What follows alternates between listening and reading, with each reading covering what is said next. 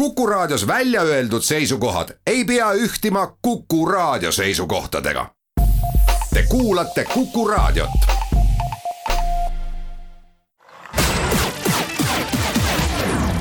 nädala Tegija. tere päevast, Nädala Tegija alustab ja tänase Nädala Tegijaks olen mina valinud poliitiku, kes alles üpris hiljuti oli ise päris keerulise olukorra ees, aga lahendas selle väärikalt ja kes, ma arvan, ma ei ülehinda, tänasel hetkel paneb kokku uut valitsust, tere päevast, Mailis Reps! tere päevast! selleks, et arutada tulevikku, tuleb korraga minevikku läbi rääkida ja need viimased päevad ja Keskerakonna vaatevinklist tuleb vist öelda, et viimased ööd on olnud väga pingelised, ma ei tea, kõigepealt ma küsin, et kõik siin imetlevad, et Jüri Ratas on väga tubli mees, et magas üks öö kaks tundi ja noh, meeste puhul, kaks tundi magamist on igaühe puhul väga suur väljakutse, aga sul on kuus last, kasvatad ilma abikaasa toetava õlata, et kui palju sina magada oled saanud viimased ööd? Viimase no nüüd jah, mõni tund tuli juurde.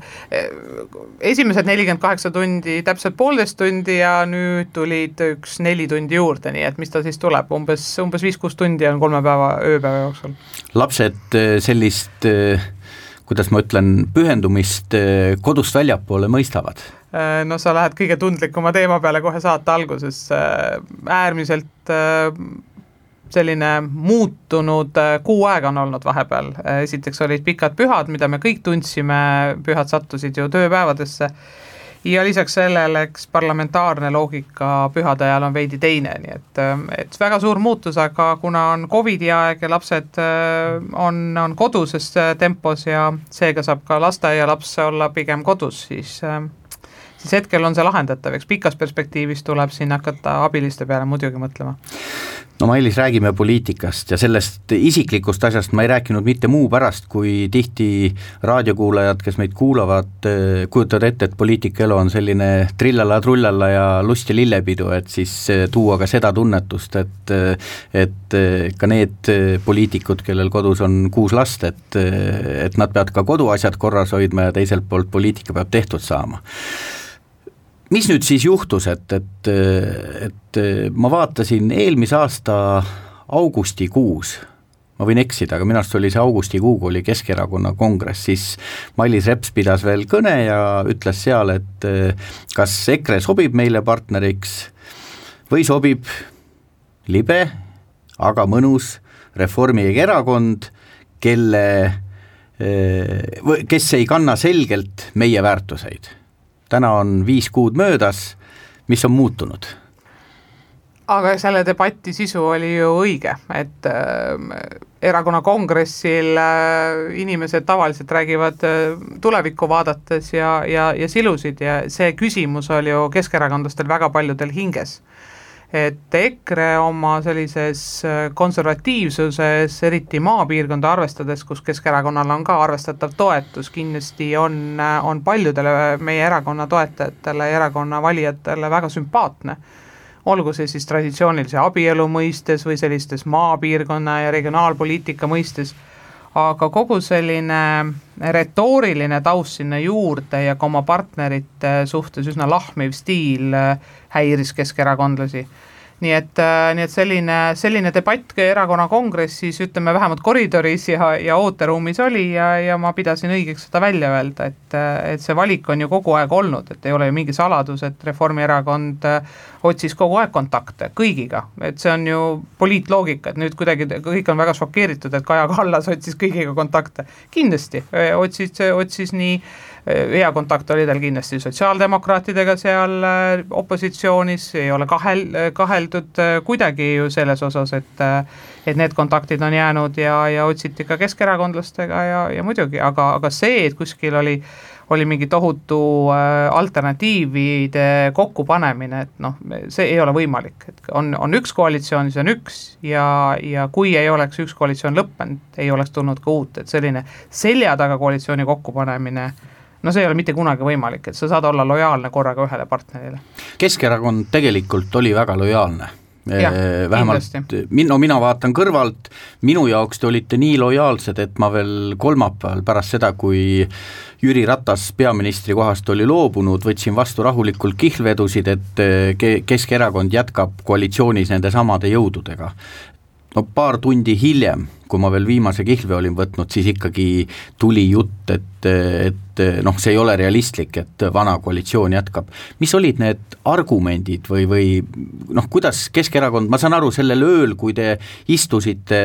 tunde ja tunde seal kella kolmeni, kui ma õigesti mäletan. no see jätkus pärast veel. jah, et, et sellel ööl te seda otsustasite, aga mis olid need põhiargumendid, et, et miks ei saa jätkata? no kõigepealt kindlasti raadiokuulajatele, noh, kellele üldse muidugi meeldib selline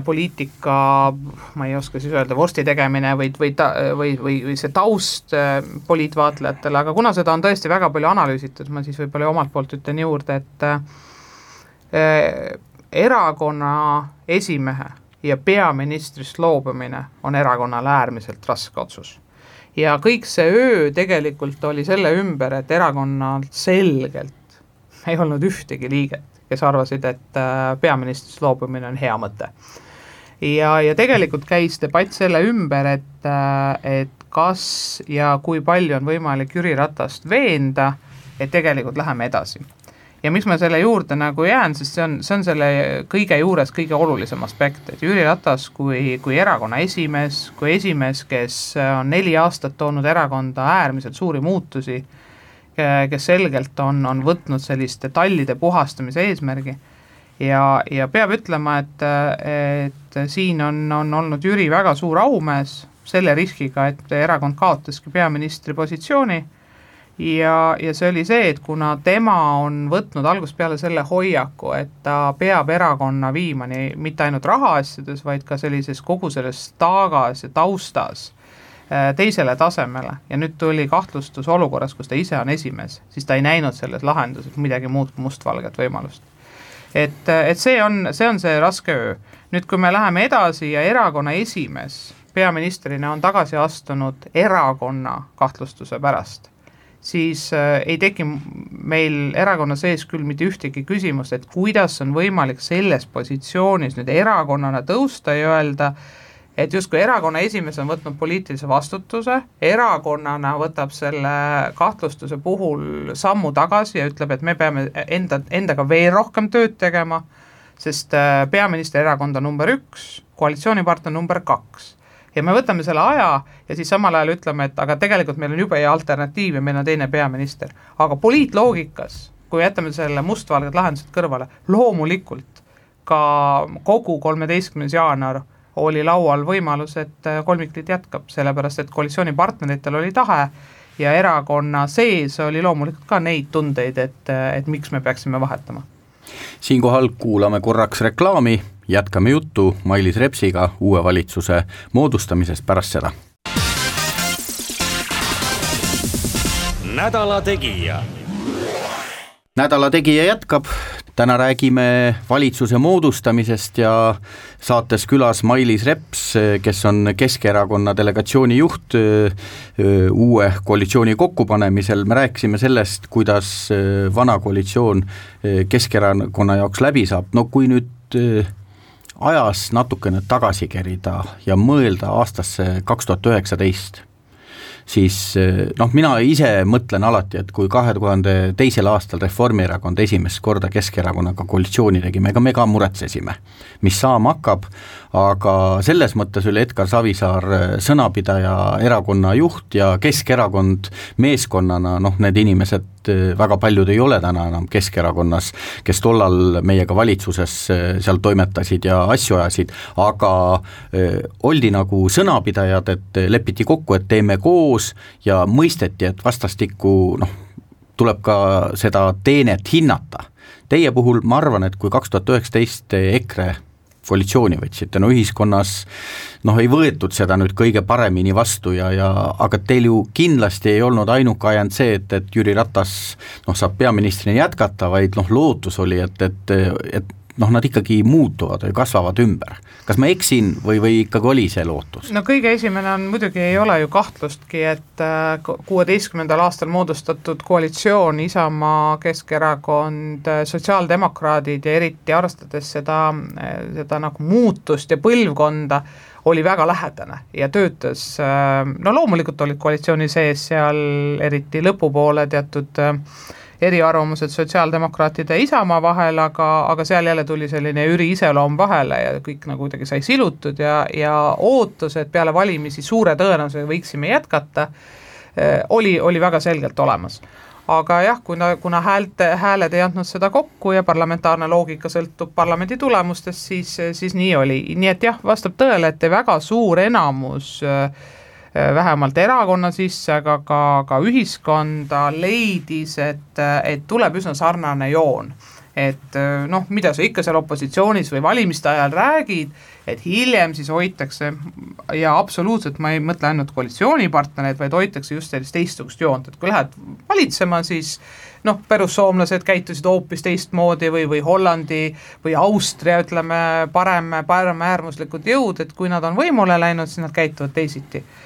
no peab muidugi nentima äh, ka EKRE nagu neid eeskujusid, et äh, kõikidel nendel paremäärmuslikel erakondadel, kes on äh, normaalselt käituma hakanud valitsuses, ega nad, nende reiting on ka muidugi langenud.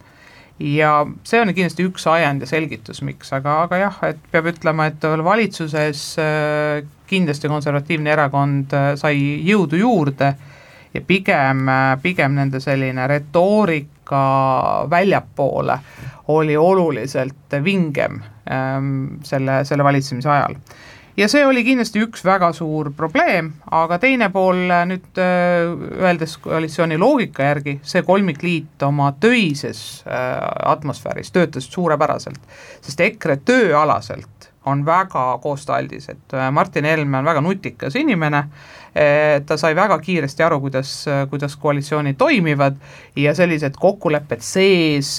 ma ei tea, eelarve tegemised, vastastikune lugupidamine eelarve toimingutes, et, et mis on kellelegi oluline või või kuidas tuleb läbi viia, noh lõpuks kas või seesama pensionireform, seda ju menetles lõpuni ju Martin Helme, ega see ei olnud tema teema. et, et see, selles osas võib öelda, et see toimis, aga jah, väljapoolne retoorika, mis häiris ka väga paljusid Keskerakonna toetajaid ja, ja liikmeid, oli ka üks väga suur põhjus, miks äh, hetkel, kui fraktsiooni käest küsida, kas jätkata, ei olnud väga palju toetajaid, et, et me peaksime uuesti kokku pakkima selle. no kaks aastat peaaegu te töötasite koalitsiooniga Isamaa ja EKRE-ga koos ja noh, väljapoole jäi küll mulje, et Jüri Ratas on, kuidas ma nüüd ütlen, murdumatu või, või selline noh, kindel, kindel laev, mis läheb ja jäätükid, mida EKRE kogu see aeg sinna rajale paneb, need jäälõhkujana ta lõhub, kas tegelikult oli sisemisi kõhklusi ka varem ähm,? kõhklused tulid juba koalitsiooni läbirääkimiste ajal väga selgelt, sellepärast et äh, võib-olla sellist äh, konservatiivsust, sügavust teatud äh, noh, nüüd on saanud üheks popimaks sõnast süvariigi vastu või, või kuidagi, et noh, seda sügavust me seal koalitsiooni läbirääkimiste ajal nägime, et, et ma olen olnud siis äh, aastaid selle demokraatia paketi ja kogu sellise äh, justiitsreformi, kohtusüsteemi reformi, prokuratuuri läbivaatamise, kõik noh, nende asjade sees ja noh, selline soov ühiskonda nagu totaalselt ümber kujundada sai, sai väga kiiresti selgeks ja noh, ütleme, et et kui seda nagu detailselt lahti võtta, siis, siis veidi, veidi äh, liiga sarnane sellise Ungari mudelile ta, ta muidugi on. aga, aga noh, ütleme, et äh, on läinud ju suhteliselt selles mõttes sisuliselt hästi, aga, aga jah, et äh, nüüd, mis puudutab meie enda erakonna sisse ja sellist äh, iga selline äh,, iga kuu keskmiselt kaks korda äh, tekkis üks kivike või noh, kui sa tood selle jää näite, võib siis öelda ka jäätükikene ja ega üks tükikene ei murra mitte midagi. aga, aga kas see, kas see koorem oli, oli murdumas, jah, see koorem oli, oli, oli murdumas, aga, aga kui kui ja millal see pidi juhtuma ja kas oleks järgmised kaks aastat vastu peetud, seda ma täna ei oska hinnata, et noh, mida me siin tagantjärele ikka ajalugu muudame. Et, et peamine ja, ja selge põhjus selle koalitsiooni lõpuks oli äh, Jüri Ratase väga selgjoone, sirgjooneline otsus, et äh, tema erakonna esimehena ähm, tahab tegeleda erakonna äh,, erakonna ülesehitamisega edasi, aga, aga ja, ja, ja sellisel, sellisel kujul peaministrina ei saa jätkata ja kindlasti ütlen veel korra, et erakonna sees selgelt üheksakümmend üheksa protsenti oli valmis Jüri Ratase selja taga edasi minema ja toetama tema otsust äh, erakonna esimene ja, ja peaministrina jätkata, nii et see, selle, see oli see, see kaalukeel. aga, aga, aga nüüd, kui see koalitsioon oli lõppenud, peab ütlema, et kõik see muidugi köögipool tuli välja ja fraktsioonis, erakonnas, juhatuses äh, ei olnud väga palju neid inimesi, kes arvasid, et peaks selle koalitsiooni lappima. ja loomulikult väga suureks ajendiks oli kogu selline solvav ähm, noh, ütleme üsna radikaalne ähm, lähenemine, et, et, et ja, ja noh, ütleme ka väga selline natsistlik lähenemine, et meie erakonna toetajate hulgas siiski on väga erinevate rahvuste esindajaid, väga lugupeetud rahvuste äh, vähemusrahvuste lugupeetud selliseid seltsingute juhte ja, ja noh, ütleme, et neid solvanguid on siin ju tõesti väga palju olnud. siinkohal kuulame uudiseid ja reklaami, jätkame juttu uue valitsuse ja koalitsiooni kokkupanija Mailis Repsiga pärast seda. nädala Tegija nädala Tegija jätkab, täna räägime poliitikast, uus uus koalitsioon on Eestis sündimas ja saates külas Mailis Reps, Keskerakonna aseesimees, inimene, kes on ka Keskerakonna poolt praegu pealäbirääkija ja kui nii võib öelda, siis selle koalitsiooni üks kokkupanijaid. no Jüri Ratasest eh, võib-olla viimast korda tänases saates, eh, Keskerakonnale on ta vaieldamatult väga väärtuslik inimene. et eh, ta ise ütles äh, tagasihoidlikult kuskil, et tema läheb seadusandlikku kogusse, seadusandlikusse kogusse nüüd ja noh, näoga umbes, et ta seal hakkab rahulikult istuma, et iseenesest kui nüüd uus valitsus kokku pannakse, ma saan aru, et ministriks ta ei taha ja noh, ega endise peaministrina võib-olla ongi noh, pisut keeruline teise, teise inimese eh, juhitavasse valitsusse minna, aga selles mõttes ajastus on suurepärane, et äh, panete valitsuse kokku, kuukese peab ootama või poolteist ja siis äh, Henn Põlluaasa karjäär riigi tähtsa mehena saab äh, noh, ma südamest loodan läbi, et, et siis Jüri Ratas võiks sellele kohale pretendeerida. Me veidi enam kui nädala pärast me oleme umbes sellise graafiku loonud, jah, veel kord, veidi enam kui nädala pärast me tõenäoliselt oleme siis pannud need sisupunktid ja ja vaadanud ka sellised keerulisemad teemad äh, meie koostöös läbi, äh, koalitsioonileping äh, saab olema kindlasti lühem, veidi üldisema sõnastusega, sest meil ei ole võimalik kõiki ka näiteks rahalisi teemasid enne riigieelarve strateegia ja, ja rahanduse numbreid, sest majandusprognoos on olnud ju üsna selline kõikuv, pluss neljast miinus neljani, aga sellest on siin Kuku raadios olnud juttu, et, et, et seetõttu ta on, ta on veidi laiem. aga siiski, kõik need punktid on siis läbi käidud ja siis me jõuame inimeste selliste väga huvitavatele teemadele, kes on siis järgmine valitsuse koosseis, komisjonide esimehed ja, ja muud sellised noh, võib-olla natuke lihtsamad teemad aga täna on väga-väga palju vara äh, öelda, kes ja mis positsioonidel on, parlamentaarne loogika tõesti on see, et kui ühel erakonnal, kui on kaksikliit, on, on peaminister, siis teisel on spiikri koht äh, ja noh, ei ole saladustki, et äh, Jüri Ratas aastaid asespiikrina oli äärmiselt lugupeetud, et oli alati õiglane ja, ja kuulas väga täpselt ka sellist juriidilist nõu. Ja viimased nädalad kindlasti parlament, parlamendis on olnud üsna sellised äh, vajaksid kindlasti sellist kodu- ja töökorra seaduse arutelu, et, ähm, et ma äh, väga suure parlamentaarse demokraatia toetajana ütleks, et kindlasti tuleks ka läbi vaadata see aspekt, et kas ainuüksi muudatusettepanekute hulk peaks tekitama olukorra, kus iga normaalne algatus peab olema kogu aeg seotud peaministri usaldushääletusega. ja põhimõtteliselt on see oluline sellepärast, et äh, usaldushääletus äh, kõrvaldab kõik selle, mis on parlamendis vajalik, ehk muudatusettepanekute menetluse, normaalse parlamendi debati ja seal ei ole ka koalitsiooni sees enam võimalik debateerida, sest loomulikult, kui sa ei taha koalitsiooni lõpetada, sa toetad oma peaministrit. nii et, äh, nii et seetõttu äh, usun, et see parlamendi sisuline analüüs selles osas on väga, väga huvitav ja, ja seda ma väga-väga toetan, aga jah, veel kord ei, ei, ei ole täna võimalik veel rääkida, kes mis positsioonides edaspidi on, välja arvatud siis tõenäosus, et Reformierakonna äh, peaminister tundub olevat siin, äh, siin ju äh, paigas, et see on Kaja Kallas, aga veel kord, hetkel on ainult kokku lepitud, et see on et see on Reformierakonna käes ja, ja ettepanek on tehtud Kaja Kallasele. Jüri Ratas jätkab Keskerakonna juhina sellel eh, väga pikal ööl eh, Keskerakond korduvalt palus Jüri Ratast, et ta ei teeks radikaalset otsust välja kuulutada kiirkorras erakonna kongress. Ja tema siiani on olnud vastus, et, et me hetkel seda ei tee. Ma arvan, et anname talle veidi aega, aga erakond toetab tema, teda väga-väga tugevalt kas ma ütlen õigesti, tähendab, võib-olla ma enne räägin ka tausta, et, et see, see korruptsiooni asi, mis praegu nagu valitsuse lagunemise ajendiks sai, tegelikult ju Keskerakonda ei puuduta Porto Franco noh, ütleme selle laenu koha pealt, kui ma nüüd õigesti asjadest aru olen saanud, vaid puudutab hoopis äh, peasekretäri tegevust äh, Tallinna linnavalitsuse, ma ei tea, otsustega seoses. ma ei taha hakata seda korruptsiooni asja nagu menetlema, aga,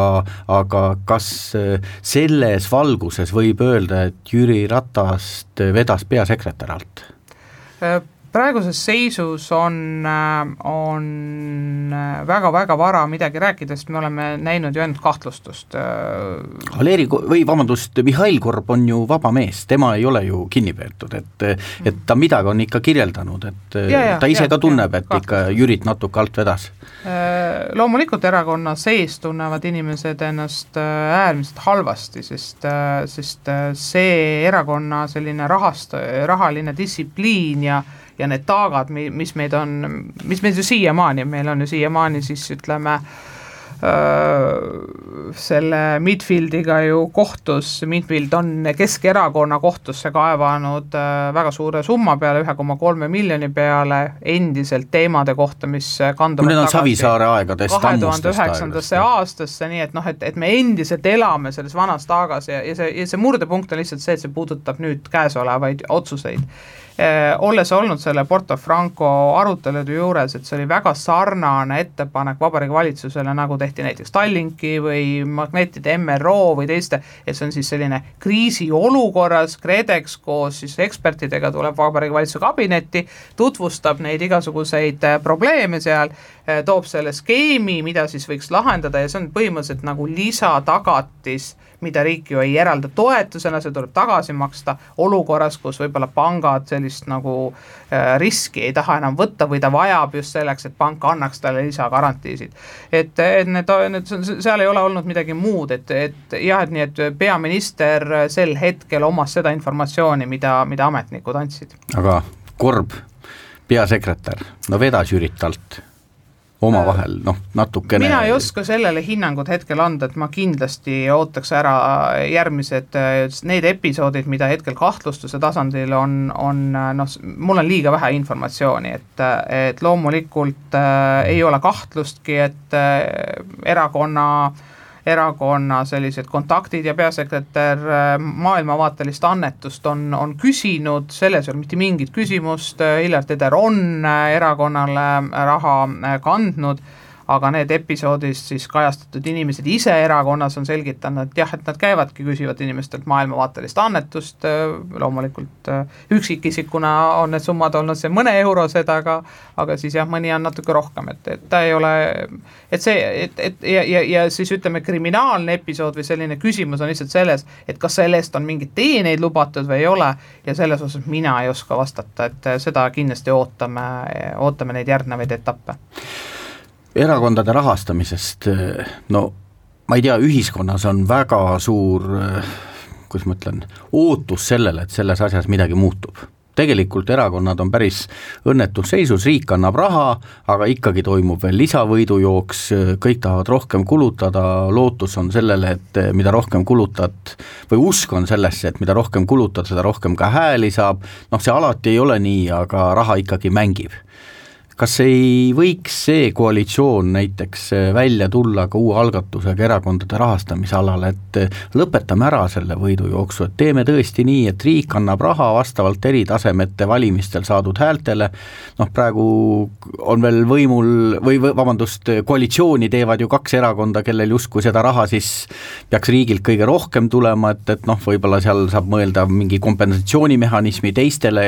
noh, et, et kõik õiglane oleks, aga ja ja, lõpetaks ära, et ei lubagi enam noh, toetusi üldse koguda ja teha, et ma ise olen liberaal ja noh, ütlen, et tegelikult see MTÜ-de toetamise võimalus peaks olema, aga mulle tundub, et Eesti-suguses väikeses riigis inimesed no pigem ei, ei anna poliitikale nii väga raha, et, et noh, annavad teatud ettevõtjad ja alati on see noh, kuidas ma ütlen, riskikoht, et, et kas sa käitud nii, nagu praegu avalikkuses on justkui Urmas Sõõrumaa käitunud või käitud nii, nagu Hillar Teder, noh üks on siis positiivne, teine pigem negatiivne näide, aga lõpetaks ära selle, et, et on teil plaan seda rääkida või mõelda, et, et teeks peasekretäride elu ka lihtsamaks, muidu vaesekesed käivad ja on kogu see aeg noateral. Äh, ma arvan, et ajakirjaniku noh, arvestades, sest sa oled nagu poliitikas üsna kiiresti orienteeruv, et, et see küsimuse püstitus on ju tegelikult absoluutselt õige. et äh, tol hetkel, kui juriidiliste isikute annetus ära kaotati äh,, kindlasti see pilt oluliselt selgines, et kui me nüüd korraks meenutame neid majasuuruseid plakatite aegu äh,, Äh, ja, ja kogu seda tausta, siis noh, need, need, need summad, mis täna pannakse kampaaniatesse, mida siis pandi, no juba on mastaabiefekti vahe väga selgelt, et et need olid ikka mega suured rahad, äh, eriti noh, arvestades elatusstandardit tol hetkel, mis siis, mis siis sisestati sinna. nii et noh, üks muutus on juba toimunud. nüüd kas see, kas see järgmine samm, äh, noh kui, kui see on võimalik selliselt teha, nii nagu, nii nagu sina siin sõnastad, et, et, et ta olekski äh, jah, et, et ei tekigi, et noh, kui keegi teeb, ütleme, kümne miljoni kampaania ja keegi teeb siis ütleme sellist, sellist no ma ei kujuta ette, mis, millest me räägime, sajast tuhandest ütleme, no ütleme, selge on see, et ühel on minuteid teles nii, et ei, ei jõua võileiba ära tehagi. ei no kui vahe on isegi miljon ja sada tuhat, see on ka meeletu, eks ju. või nojah, ütleme nii, et noh, vahe, mis siis vali, valija loomulikult ju, see on seda, seda on nii palju analüüsitud, et et inimene alati ju väidab, et talle ei mõju see, et noh, ta mitte kunagi ei lähe sellepärast Fairyt ostma, et ta on näinud iga reklaamipausi, tegelikult ta läheb hoopis, võtab teed selle asemel ja ja valmistab endale värsket mahla ja, ja nii edasi. Ja siis, kui ta sinna poodi maandub, siis pahatihti ta võtab ikkagi täpselt seda alateadvused, seda, seda on nii palju analüüsitud, et mitte keegi seda üle maailma ei teeks, kui seda alateadvuse uuringut ja teaduspõhist analüüsi siin taga ei oleks. nii et, nii et jah, et, et see küsimuse püstitus ei ole mitte selles, et kas me äh, suurendame veel rohkem äh, kontrolli ja kas, kas seal on mingi põhjus või et kas, kas tõesti õiguskaitseorganid ikka on, analüüsivad objektiivselt, vaid küsimus tõesti on selles, et kõikide minutite reguleerimine, mida siin on välja pakutud, kõik need muud ettepanekud, et ma ei tea, pindade mahud või, või sellised, et see ei tööta ja noh, nagu me teame, alternatiivina on ka pakutud, neid riike on olemas, kus näiteks ka teatud tsüklites eraldatakse kõigile võrdne hulk näiteks oma mingite asjade tutvustamiseks ja, ja selline rahaline kampaania tegemine ongi keelatud, et aga jah, ma olen ka natuke selles mõttes ettevaatlik, et me oleme üsna sellised kaks suurt erakonda, äh, vaieldamatult kõige suuremad erakonnad ja, ja sellised põhimõttelised muutused, ma usun, et ongi võimalikud, kui need kaks erakonda seda soovivad, aga me ei ole selleni veel jõudnud, aga see hoiak ja mõte on tegelikult, ma arvan väga,, väga-väga-väga õige siinkohal kuulame veel reklaami, jätkame Mailis Repsiga pärast seda. Nädala Tegija. nädala Tegija jätkab, saates külas Mailis Reps, Keskerakonna aseesimees ja inimene, kes minu hinnangul väga paljuski praegust meie tulevikku mõjutab ja räägimegi tulevikust. no ma ei tea, et kus need kõige suuremad karid on, et, et kas täna eh, te läbite praegu programmilisi, noh, ütleme, te olete päris alguses, et programmilisi seisukohti läbi käia, aga kas täna võib öelda, et selle koalitsiooni teke on juba üheksakümmend protsenti kindel või on karid alles ees? kui me vaatame, milline on selline ühiskondlik ootus, siis esimene on loomulikult see, et põhitähelepanu on äh, nii majanduse kui tervishoiukriisist väljatulek ähm, ja, ja sellised lahendused, et, et ei saa ju noh, ma siinkohal kinnitan, et, et Jüri Ratase valitsus on saanud väga hästi hakkama sellise ekspertide teadmiste põhise, ekspertiisi kaasamise, arstid, ähm, teadlased, noh, kõik need igasugused seireuuringud, reoveeuuringud, et meil on Covid Covid'i taustal noh, parim võimalik äh, pagas neid otsuseid teha, aga loomulikult ühiskond on, on väsinud, ma isiklikult olen ka väsinud sellest, tahaks ka, et oleks äh, rohkem uuesti võimalik avada ja, ja, ja majanduskeskkond taastada. nii et see on, see on kindlasti esimene väljakutse, see ei ole niivõrd radikaalne muutus, aga noh, kui edasi vaadata, siis see on üks. ja teine on selline üldine avatus, et selline debatt, kes äh, Ehm, kes tohib siia Eestisse investeerida ja, ja meie majanduskeskkonnale mõjub väga halvavalt väikse riigina, kui me, kui me märgime ennast äh, kaardile sellise võib-olla üsna no ütleme väga, väga kinnise äh, riigina, et et Poolal on seda võimalik selles mõttes, et geograafiliselt on ta suur, äh, ta on, ta on nelikümmend midagi miljonit inimest, ja, ja ta on, tal on nagu teine positsioon ka Euroopa Liidus, aga noh, ütleme ka, et, et ega see viimane Euroopa rahade boikoteerimine viimase hetkeni, kuni kõik olid meeleheitel ja siis tehti otsus nii, et teatud asjad lihtsalt ei rakendu äh, või hakkavad rakenduma niimoodi valikuliselt, oli äärmiselt halb kompromiss, aga veel kord tahan öelda, et sedasama mudelit Eestis rakendada ei ole võimalik, me oleme väike riik ja ja need inimesed ja raadiokuulajad, kes kuidagi tahaksid väga, et me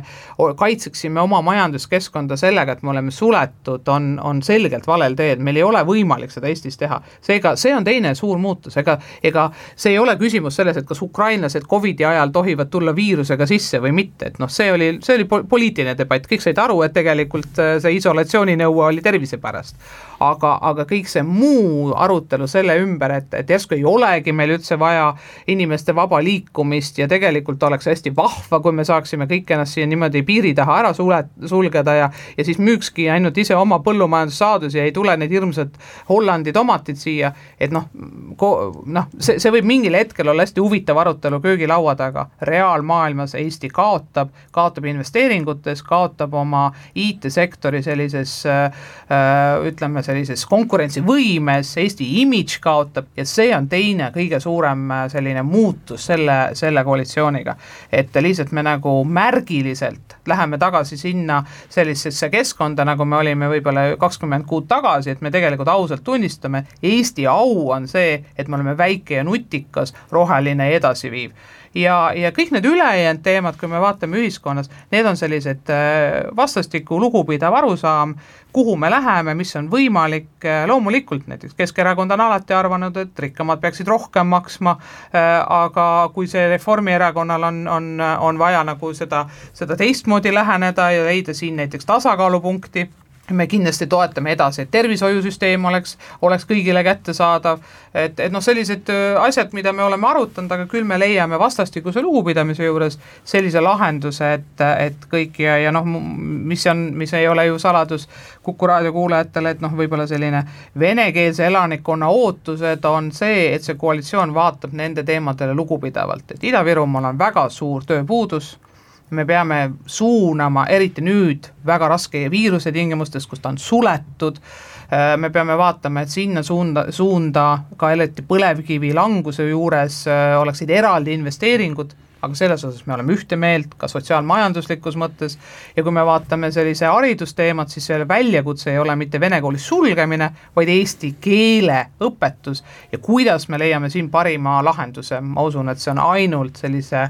rahuliku debati tulemusena ja täna on kahel osapoolel see soov leida selliseid äh, töötavaid lahendusi. Tulevikust veel rääkides, et eh, noh, praegu on selge, et tuleb kaksikliit, mingil hetkel eh, noh, sa ise olid vist eh, inimene, kes ütles, et võiks Isamaa ka kaasata, kas seal no ma ei saa lõpetada saadet nii, et ma ei küsi ka presidendi ametikohta, et noh, et, et presidenti hakatakse poole aasta pärast valima, siin väga paljud arvasid, et see Isamaa kaasamise mõte oli, et noh, saab ka äkki, äkki presidendi ära teha sellesama koalitsiooni raames, oli seal mingi loogika või noh, tegelikult äh, olid muud põhjused hoopis? no peamine loogika oli see, et äh, Isamaaga kahe tuhande kuueteistkümnendal aastal tek-, tekkis äh, erakonnal, Keskerakonnal väga selline töötav koalitsioon äh, kahe erakonna vahel. Ja, ja, ja seda ei tahetud murda. Ja, ja see on olnud kõige selle, kõige selle koalitsiooni moodustamise juures kõige keerulisem etapp. Et, äh, et, et me oleme selline poliitiliselt lojaalne ela, erakond, seda mäletab ka Reformierakond meie äh, meie kahest koalitsioonist kaks tuhat kaks, kaks tuhat kolm, kaks tuhat viis, kaks tuhat seitse, kus, kus selline ootus, et läheme nüüd samas rütmis edasi, viis ju selleni, et kahe tuhande seitsmendal aastal Keskerakonnast üsna arvestatav hulk inimesi lahkus, sest nad olid äärmiselt pettunud, et see ei jätku. et, et, et selles mõttes meie soov jätkata koalitsioonipartneriga, kes meid ei ole solvanud, kes on olnud väga hea koostööpartner, ja see palve võtta, võtta siis nagu laua taha ja leida neid lahendusi, et see muidugi, aga, aga jah, muidugi numbriline ja, ja sisuline debatt viis selleni, et ei ole saladus, et Reformierakond ei näinud ühtegi arusaadavat põhjust, miks peaks, peaks olema kolmas partner ja ja see, see oli pikk päev, pikk päev ja, ja pean tunnistama, et see on ka põhjus, mida võib-olla raadiokuulajad ei ole tähele pannud, aga president tegi Kaja Kallasele ettepaneku äh, alustada ta ei võtnud seda vastu tervelt üks päev, mis on üsna pretsedenditu. ja, ja olen selle eest, ähm, selles, selle eest väga tänulik, sest meil tõesti erakonnana oli seda vaja, meil oli väga suur kahtlus ja põhjus oli jah, tõesti, et, äh, et, et, et kuidas, kuidas me siis saame, saame teha nii, et Isamaa, kes on olnud meile hea partner, jääb maha. aitäh, Mailis Reps, ma arvan, et raadiokuulajad said paljudele küsimustele vastuseid, kindlasti kõigile me ei saa enne vastuseid, kui koalitsioon on kokku saanud, aga jõudu ja ja loodame, et sellised turbulentsed ajad saavad varsti otsa ja ikka perele rohkem aega oleks, kõike head! aitäh ja palju jõudu! nädala Tegija